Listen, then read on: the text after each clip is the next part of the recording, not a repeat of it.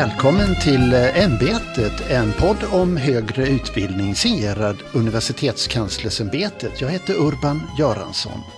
Och eh, I det här avsnittet så ger vi åter plats för en rektor och eh, ämbetet besöker tändstickstaden Jönköping för att träffa rektor Agneta Marell vid Jönköping University. Välkommen Agneta till ämbetet. Ja, men, tusen tack, väldigt spännande att få vara här. Härligt. Jag skulle vilja börja med att säga grattis och du kanske är undrande då men det är ju faktiskt så att för ett tag sedan i somras så blev ni ett Europauniversitet. Det stämmer, vi är väldigt, väldigt glada för det, så tack så mycket, verkligen. Mm. Är det en fjäder i hatten och ni har stor glad blick framåt? Ja, eh, det tycker vi. Vi har jobbat länge med det här. Eh, från början så var vi väl kanske lite avvaktande när det kom redan eh, indikationer om det här 2017 i i anslutning till Macrons tal och sen kom ju det här att bli väldigt, väldigt omtalat. Mm. Samtidigt är man ett litet lärosäte så gäller det att välja vilka projekt ska man hoppa på och inte. Så vi sonderade väl terrängen under ett par år. Mm. Men sen har vi nu jobbat i, i flera år att hitta ja. rätt konstellation, rätt lärosäten att jobba tillsammans med bygger på både nya eh, lärosäten och etablerade relationer. Så vi är väldigt glada. Spännande. Vi ska gå in lite mer på det okay. senare här. Men jag tänkte först Agneta, skulle du bara ge en kort presentation av dig själv först? Vem är du? Ja, ehm, ja, jag är snart 60 år. Eh, jag är professor i företagsekonomi och har egentligen min bakgrund i, eller vid Umeå universitet. Där jag har jobbat på Handelshögskolan under många år och jag har också jobbat på universitetsledningen vid Umeå universitet.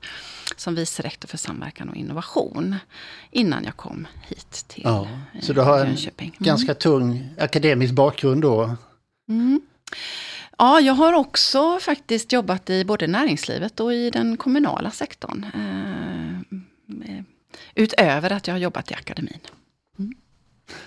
När blev du rektor för Jönköping högskola, Jönköping University? Eh, 2017. 2017, det är 6-7 år nu då? Ja, det stämmer. Ja. Mm. Eh, om vi fortsätter och närmar oss Jönköping University, om du tar den stora paletten och, och beskriver den här högskolan, vad är det för högskola? Ja, jag skulle säga att det är en väldigt entreprenöriell högskola med mycket dynamik. Eh, väldigt, väldigt engagerade medarbetare och kollegor tycker jag att jag har i, i verksamheten. Vi är också en stiftelsehögskola, kanske kan komma in på det lite sen. Men det gör ju också att vår driftsform ser lite annorlunda ut. Både med möjligheter och lite utmaningar. Eh, vi präglas ju väldigt starkt av ett internationellt fokus. Mycket samarbete, väldigt mycket lokal förankring. Men också med en stark internationell utblick, både när det gäller studenter, kollegor, alltså eh, vår personal, men mm. också hur vi ser vår utbildning och internationalisering på hemmaplan. Mm. Har ni, eh, du, ni har internationellt utbyte, har ni, har ni flera utländska studenter här också då som kommer hit? Absolut. Eh, vi, har, vi är väl en av de lärosäten i Sverige som pro, eh, procentuellt sett har eh, väldigt stor andel av de studenter vi har här som ja. är internationella. Om vi räknar samman både de studenter som kommer inom EU men också utanför EU. Som är, så, så sammantaget så har vi väldigt stor andel ja. internationella studenter. Och hur många studenter är det totalt på Jönköping University? Ja, eh, vi brukar säga att vi har ungefär 14 000 studenter studenter här på, på JU. Sen beror det lite grann på hur man räknar och om man räknar heltidsekvivalenter eller om vi räknar huvuden och hur många kurser man ska ha läst. Ja. Men, men är, det, är det campusstudenter då eller är det inklusive att det är, eh, vad säger man, distans? Nej, det är totalt. Så totalt, att det är även ja. distansstudenter. Nu är ju JU ett ganska tydligt lärosäte när det gäller programstudenter. Vi har ganska mycket program. Mm. Så inte så hemskt mycket eh, decentraliserad utbildning. Men det går ju mer och mer åt det. Mm. Eh, och behovet är också väldigt stort. För vi är ju väldigt måna om att säkerställa kompetensen i regionen och hur vi kan bidra till det. Och lärare, vård, skola. Mm. Där är studenterna kanske lite annorlunda än om man läser teknik och på Handelshögskolan. Lite senare i livet, en annan livssituation och det gör också att decentraliserad utbildning blir än viktigare för den målgruppen. För att mm. vi också ska fånga upp och säkerställa kompetens i, i hela regionen och mm. hela landet. Mm. Vad har ni för områden som ni är särskilt stolta över då? Inom, eh, ja, om vi säger forskningssida eller utbildningssida? Du får välja vilket du vill nämna. Ja, det är jättemycket som vi är stolta över. Om man får nämna några saker så, ja. så, så är ju entreprenörskapsforskning eh, en väldigt stark eh, del här på, på JU. Och det är vår handelshögskola som är mycket duktiga på det. Gäller. Kommer du in i det också eftersom du har en hygglig sådan bakgrund själv? Eh, nej, ja, tyvärr så hinner jag ju inte forska. Och sen hade jag en annan forskningsinriktning än just entreprenörskap. Men det, det är ju en del där vi är, där vi är starka. Mm. Tittar vi på Tekniska högskolan så är det eh, produktframställning, innovativ produktframtagning. Och särskilt får vi titta på gjuteriteknik, gjuteri av metalliska material. Eh, det här är en bygd ju där gjuteri har funnits i hundratals år. Norra Hammar strax söder om Jönköping och, och Huskvarna med, med Husqvarna vapen och allt det Jaha, ja, så det lever kvar fortfarande? Väl, ja, absolut. Väldigt, väldigt duktiga. Och här är ju vi en både nationell och internationell spjuts, eh, spetsforskning också. Jobbar mycket med Volvo och industrin i de här frågorna. Så att, mm. eh, mycket, mycket bra. I mångt och mycket, när, även när vi pratar entreprenörskap och nyföretagande så, så kan man tänka att vi, vi ligger i i Småland och att det finns en anledning till eh, uppstarten av hela JU för snart 30 år sedan. Eh, som också tar sitt ursprung i, i den bygd där vi, där vi finns. Så mm. absolut, eh, det gäller att bygga på de styrkor man har och utveckla dem framåt. Det är en viktig del. Vi är inte så stora, så det är viktigt för oss att kunna vara lite profilerade och bygga på, kanske inte göra allt, utan att välja ut. Och det har också varit en ett signum ska jag säga för JU under, under många år, ända sedan, starten, att bygga vidare på, på de, de styrkor vi har. Jag skulle också vilja nämna Hälsohögskolans eh, fokus på både äldre forskning, forskning om äldre eh, i olika former och också oral hälsa som ju är eh, styrkeområden på hälsohögskolan. Är det tandläkeri så att säga? Oral hälsa eller? Ja, det är ju tandhygienister, väldigt mycket runt det, det, det orala. Tillsammans där är vi ju starka med regionen. Då här i, i Jönköping så finns ju specialisttandläkarutbildning i det som heter odontologiska institutionen. Eh, med 25 tal disputerade tandläkare som bedriver specialistutbildning för de tandläkare som finns eh, färdiga. Så att säga. Så vi har en, en, där bygger vi våra styrka tillsammans med regionen igen. Mm. Eh, och på samma vis som vi tittar på HLK så är man otroligt duktig både i hållbarhet och mm. i pedagogik. Väldigt framstående och kommer högt på de internationella rankingarna som handlar om ämnen då. Mm. Men också att vi är väldigt efterfrågade eh, mm. i i regionen. Mm. Du nämnde att eh, Jönköping University är cirka 30 år gammalt nu, men, men är det inte så att det här var en högskola innan Jönköping University också? För du nämnde alldeles nyligen vårdutbildningar, de fanns väl redan från början, men jag vet inte sen när? Absolut. Eh, det var stiftelsen Högskolan i Jönköping som bildades 1994. Samtidigt som Chalmers bildades som stiftelse. De fanns ju också innan, men vi tillsammans med Chalmers är ju de två stiftelsehögskolor som man då införde mm. Eh, i mitten på 90-talet. Men de första sjuksköterskorna de eh, examinerades i Jönköping av landstinget, dåvarande landstinget alltså, mm. 1897. Så det finns ju en lång tradition tillbaka. Och ah, Hälsohögskolan ja. som idag är en del av JU, mm. eh, blev en del av JU först 2000. Eh, så att eh, eh, vi har också omformats under, under de här åren. Mm. Men det gäller ju också ingenjörs, det heter ingenjörsutbildningarna då och eh, som också fanns innan JU bildades. Ja, mm. ja. Yrkesteknisk högskoleutbildning startar 1975. Du nämnde att ni är en stiftelse. Det innebär att ni är ett, eh, en privat högskola i Sverige. Varför har ni valt att, så att säga, vara privata, att vara en stiftelse? Ja, nu är det här beslut som fattades långt innan min tid. Men det här handlar ju väldigt, väldigt mycket om de rörelser som har funnits inom sektorn och nationellt under många, många år. Hur ska högre utbildning vara organiserad och vilka möjligheter finns det? Mm. Och vid den här tiden så fanns det då möjlighet att anmäla sitt intresse och det gjorde då den statliga högskolan i Jönköping om att få bli en, en stiftelse med de möjligheter som finns. Jag vet inte om vi ska titta lite på dem senare, men det finns ju möjligheter som man har som stiftelse. Som ja, jag tänkte fråga vilka fördelarna är. Ja, och det handlar ju väldigt mycket om friheten när det gäller studentrekrytering och rekrytering av våran personal. Att vi har helt andra förutsättningar där. Det är också andra förutsättningar när det gäller garantera våra studenter plats på program, eh, efterföljande program, men, men eh, bakgrunden var ju egentligen också den här autonomin och den, den friheten som det innebär. En, en, en institutionell autonomi. Mm. Ja. Att, att ligga lite längre ifrån en, ja. en påverkan. Men samtidigt då ha ett avtal med staten. För det har vi ju, vår utbildning och vår grundforskning finansieras ju fortfarande av, av utbildningsdepartementet. Eller av staten så att mm. säga. Så på så sätt så skiljer det sig ju inte. Utan det är ju våra vår rörelsefrihet som ser annorlunda ut. Mm. Mm. Vi nämnde inledningsvis att uh, Jönköping University nu har blivit ett Europa-universitet. Mm. Agneta, nu, nu, får du utveckla det där lite. Vad, vad, vad är det här? Alltså överhuvudtaget begreppet Europa-universitet, om vi börjar där. Vad är det? Ja, det är ju egentligen, det ursprunget handlar ju väldigt mycket om studentmobilitet och, och när det här kom så handlar det om att stärka Europas konkurrenskraft genom att koncentrera eh, kompetenser och utvecklingsförmåga inom ramen för de eh, lärosäten som finns inom EU. Mm. Eh, så, så ut, utgångspunkten är egentligen att öka studentmobiliteten. Eh, mm. Men ett Europauniversitet är ju en allians av lärosäten. Eh, och en av de fyra hörnstenarna i den europeiska strategin för att stärka EU som, som um, sammanslutning. Mm. Eh, man får vara ett lärosäte från varje land och det ska gärna vara utspritt. Vi är tio lärosäten i våran allians.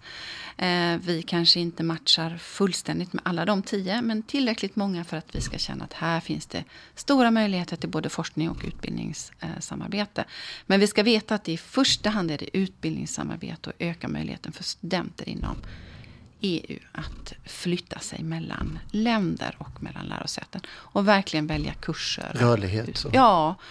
Um, välja kurser och program som passar dem bra. Och då att ha tio att välja på är ju naturligtvis eh, en stor fördel. Så att, eh, och det är det som kallas för EU-listalliansen? Ja, för oss ja. Där ni ingår så att säga. Ja, ja, och det i sin tur då eh, styrs av något som heter EUI, European University Initiative. Ja.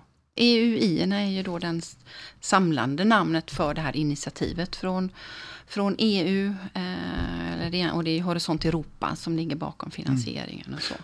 Vad innebär det här samarbetet då som ni kommer att påbörja framöver inom EU-list? För ni är ungefär tio universitet spridda i Europa, Grekland, Spanien, Frankrike, Tjeckien, ja Sverige här nu med, med mm. Jönköping då. Eh, vad, vad, vad, innebär det här alliansen och samarbetet? Mm. Ja, det är både möjligheter och utmaningar såklart, som i alla samarbeten. Det gäller ju att, att ha en, välja de delar som då eh, kommer att stärka JU, men också alliansen som helhet. Eh, här utforskar vi ju väldigt mycket just nu vilka områden vi kan ytterligare förstärka våra samarbeten runt. Mm. Eh, men det handlar ju om att hitta en digital infrastruktur som också gör att studenterna kan följa till exempel kurser på JU fast man inte befinner sig här och att det finns en, en rörlighet för våra studenter. Mm. handlar om möjlighet att nyttja biblioteken tillsammans. Det handlar om, om möjligheter att skapa eh, kanske nya kurser, gemensamma examina. Men mycket samarbeten också att kunna utbyta kompetenser när det gäller lärar, eh, lärarförmågor. Mm. Men det handlar ju egentligen om att förstärka det som vi har gjort i många år. Det är bara det att det är tydligare att man, man får ett stöd för att göra det här. Eh, det finns en, en styrka i, i, att alla har gått in i det här med gemensam målsättning. Att, att bygga ett starkt, en stark allians. Mm. Eh, sen ska man ju också vara medveten om att det finns väldigt mycket initiativ inom ramen för de här tio eh, lärosätena. Och det gäller ju att det här håller sig på en sån nivå. Att det inte äter upp det som vi också gör på nationell nivå. Och att det inte slår ut de samarbeten som vi har utanför mm. eh, Europa. Men också samarbeten som vi har med andra lärosäten inom Europa. För det är fortfarande så att våra forskare och våra studenter eh, kan och vill och bör välja annat än bara de lärosäten som ingår i alliansen. Eh, det finns några lärosäten som har en fantastiskt eh, fin kontoren, kontor, eller ska säga grants office, där man har mycket kunskap om hur man söker EU-medel. Jag menar, vi kan lära av dem. Vi har andra styrkor som andra kan lära sig utav mm. hur vi driver till exempel vårt campus. Så det, finns, det handlar väldigt mycket om ett erfarenhetsutbyte, att lära och växa tillsammans, skulle jag säga. Men att välja, inte allt. Eh, du nämnde inledningsvis här i, i just frågan om eh, Europauniversitet att ni har blivit det att ni får chansen att och nu fundera över vad ni vill utveckla och få hjälp att utveckla så att säga. Nu är det här kanske i sin linda för det här går ju inte över en natt den här förändringen. Men, men vad ser du redan nu Agneta där ni skulle vilja liksom bli bättre om vi säger så och få hjälp att bli bättre? Mm. Ja, det är ju inte bara det att vi, ja, det, vi får en chans, men vi har ju också väldigt tydligt egen agenda eller en egen, ett eget program för varför har vi gått in i det här? Vad är det för, för frågor som vi ser som mest viktiga? Så det är ju inte bara det att man kommer in helt plötsligt i någonting, utan det är ju ett långtgående samarbete som vi haft sedan tidigare. Mm.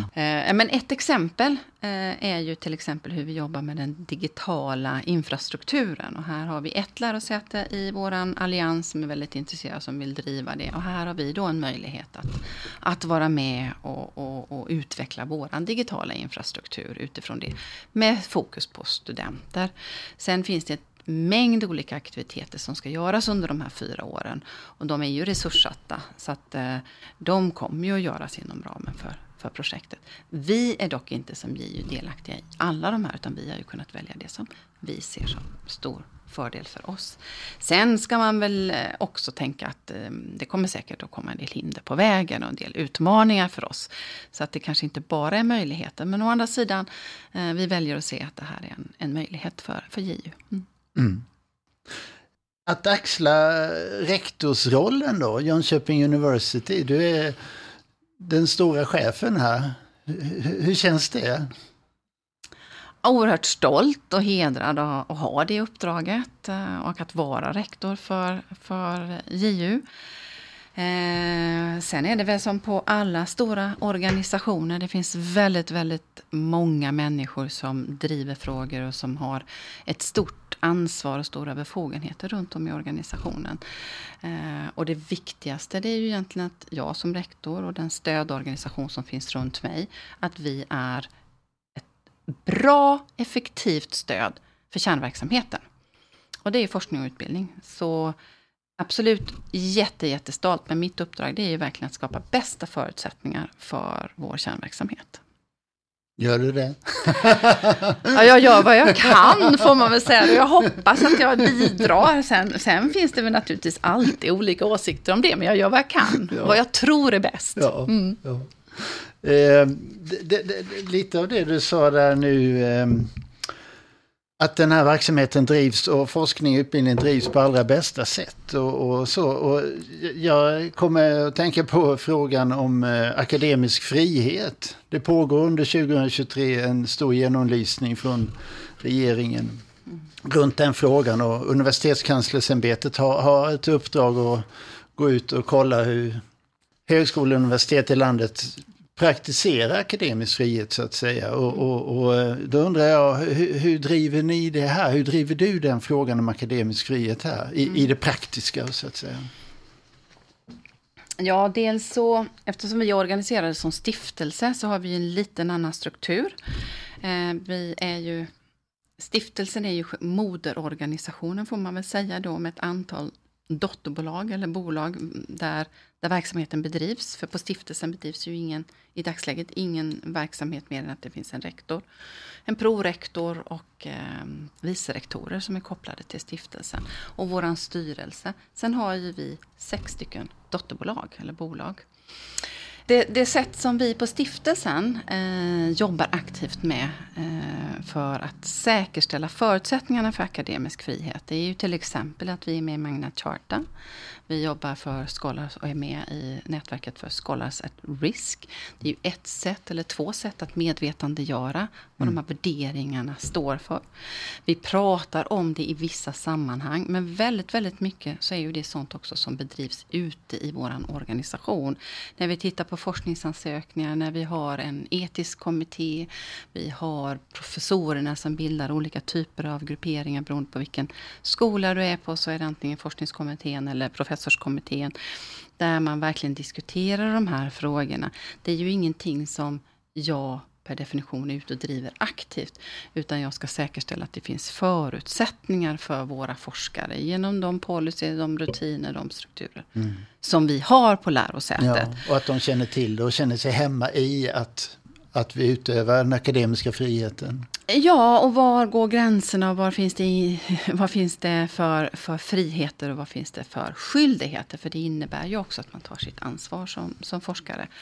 Eh, och det är ju sånt som bedrivs utav våra akademiska ledare, våra professorer som bär eh, den typen av frågor. Men mitt uppdrag är ju verkligen att säkerställa att det finns förutsättningar att göra det. Eh, att våra doktorander inte blir inlåsta i, i, i vissa strukturer som de inte kan eh, kliva ur till exempel. Eller att vi värnar om rätten att uttala sig i press eller att komma ut med sina forskningsresultat. Att vi skyddar våra forskare den dagen de blir utsatta för hat eller hot i den mån som, som deras resultat kan ifrågasättas. Att vi då har en organisation som kan stödja dem. Eh, jag tycker också att stiftelseformen i sig är den institutionella autonomin eller friheten. Eh, vi kommer ju lite längre ifrån en, en statlig styrning, vilket ju på ett sätt är eh, den, den, andra delen av akademisk frihet. Mm, mm. Så, så jag tycker att vi jobbar på mer med förutsättningarna härifrån. Mm. och säkerställa att hör vi någonting så behöver vi naturligtvis gå in och, och, och se till att, att det fungerar. Mm. Eh, viktigt i olika typer av samarbeten. Vi är väldigt samverkande i vår organisation. Hur säkerställer vi att, att forskarna har rätt till sina forskningsresultat? Rätt att publicera eh, sina resultat. Att det inte försvinner i, mm. i, i, andra typer av samarbeten. Och att de också vågar och har möjlighet att stå upp för det de kommer fram till. Mm. Hur är samarbetet med Universitetskanslersämbetet då? Får ni stöd? Får ni hjälp när ni behöver? Mm. UKÄ för oss har ju en, en väldigt, väldigt viktig roll. Och vi tycker att vi har en bra relation med, med UKÄ. Men UKÄ har ju också en ganska svår roll att kunna balansera både rådgivande och granskande. Och det är ju här man kanske eh, hela tiden måste ha en öppen dialog kring mm. var, var går gränsen mellan att säga gör så här och samtidigt så ska man granska det man då säger. Och, och det är ju en svårighet, eh, tror jag, som UKÄ eh, måste balansera. Precis som vi har våra balansgångar mm. att, att, att hantera. Vi känner att vi har så att säga, verktyg som hjälper att, att, så att säga, kvalitetssäkra era utbildningar till exempel? Mm. Uh, ja, det tycker jag. Jag tror samtidigt att det finns uh, utvecklingspotential både hos oss och hos UKÄ för hur vi ska driva de här. Nu, nu kommer ju vi i nästa nya uh, granskning. Som, vi granskades ju för fem eller sex år sedan. Eh, och då var det utbildning som granskades. Nu kommer ju lärosätesgranskningarna igen och nu är det forskning och utbildning. Och nu gäller det ju att instruktionerna är tydliga, att de är transparenta, att de är hållbara över tid. Och det är ju sådana här saker när man utvecklar ett nytt system så är det ju svårt att, att, att vara jättetransparent eller att vara tydlig eller veta precis hur det ska ske. För vi var ju försök, vi var ju bland de första förra gången också, vi vet ju att kriterierna har förändrats över tid. Och det är klart att det här blir ju väldigt, väldigt viktigt. Men vi är ju en medspelare i det och här gäller det att man har en god dialog. Men, men att UKÄ skulle ha svaret från början, nej det tror jag inte. Men jag tycker att UKÄ gör ett bra, väldigt bra jobb och är glad över Enka också. Mm. och att det är en väldigt, väldigt viktig funktion. Och att samspelet här mellan lärosätena och UKÄ, det är bra. Men det finns ju ingenting som inte kan bli bättre. Och det gäller ju våran relation till UKÄ, precis som UKÄs relation till oss, tänker jag. Så Agneta, du känner att ni har nytta av UKÄ då? Ja, vi tycker att det är viktigt med UKÄ. Det är viktigt att ha en nationell eh, granskning och kunna säga att vi är granskade efter de nationella kriterierna och vår utbildning håller en hög kvalitet. Sen finns det andra sätt att också göra det.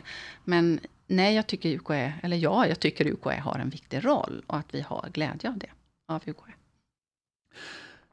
Agneta, ni har ju mycket att utveckla nu här framöver. Ni har blivit ett Europauniversitet och det kommer ta flera år tror jag innan det sitter på mm. plats, det stora samarbetet, vad det innebär. Hur, hur känns det som rektor att få, få jobba? Det är, det är jättestora grejer. Hur känns det att axla det här?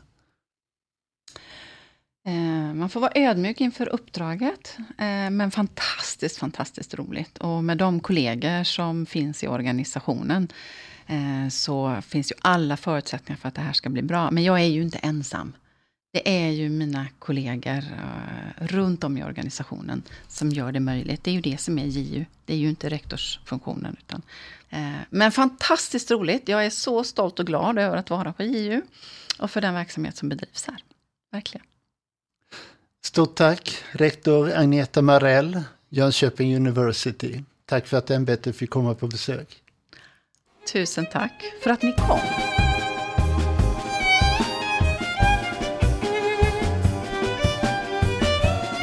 Du har hört Ämbetet, en podd om högre utbildning.